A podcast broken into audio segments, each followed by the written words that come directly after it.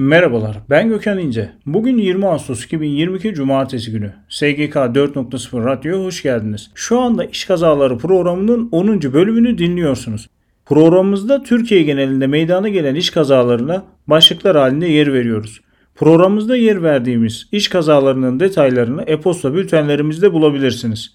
Programımıza başlıyorum. Konya'da bir atölyede vinçle taşınmak istenen mermer bloklar devrildi. Altında kalan Suriye uyruklu 41 yaşındaki 5 çocuk babası işçi Yahya Ahmet hayatını kaybetti. İstanbul Bağcılar'da tekstil atölyesi olarak kullanılan 3 katlı binanın ikinci katında bulunan buhar kazanı henüz belirlenemeyen nedenle patladı. 3 işçi yaralandı.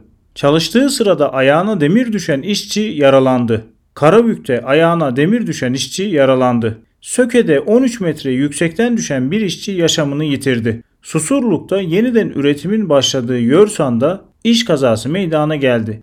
Fabrikada çalışan Oğuzhan Ceylan çalıştığı sırada yaşanan elektrik çarpması sonucunda yaşamını yitirdi. Sivas'ın Ulaş ilçesinde iş makinesinden düşen kişi yaşamını yitirdi. Kırşehir'de bir çiftlikte çalışan 35 yaşındaki Emre Bahri Orman mandıra yapıldığı esnada üzerine devrilen vincin altında kalarak yaşamını yitirdi. Yalova'da kepçe operatörü dere yatağı yakınlarındaki çalışma sırasında kepçenin devrilmesi sonucu yaşamını yitirdi. Esenyurt'ta bir tekstil atölyesinde çalışırken kolunu iş makinesine kaptıran yabancı uyruklu erkek şahıs hayatını kaybetti. Ben Gökhan İnce, SGK 4.0 Radyo'da İş Kazaları programının 10. bölümünü dinlediniz. Programımızda Türkiye genelinde meydana gelen iş kazalarına başlıklar halinde yer verdik. Programımızda yer verdiğimiz iş kazalarının detaylarını e-posta bültenlerimizde bulabilirsiniz. Bir sonraki yayında görüşmek üzere.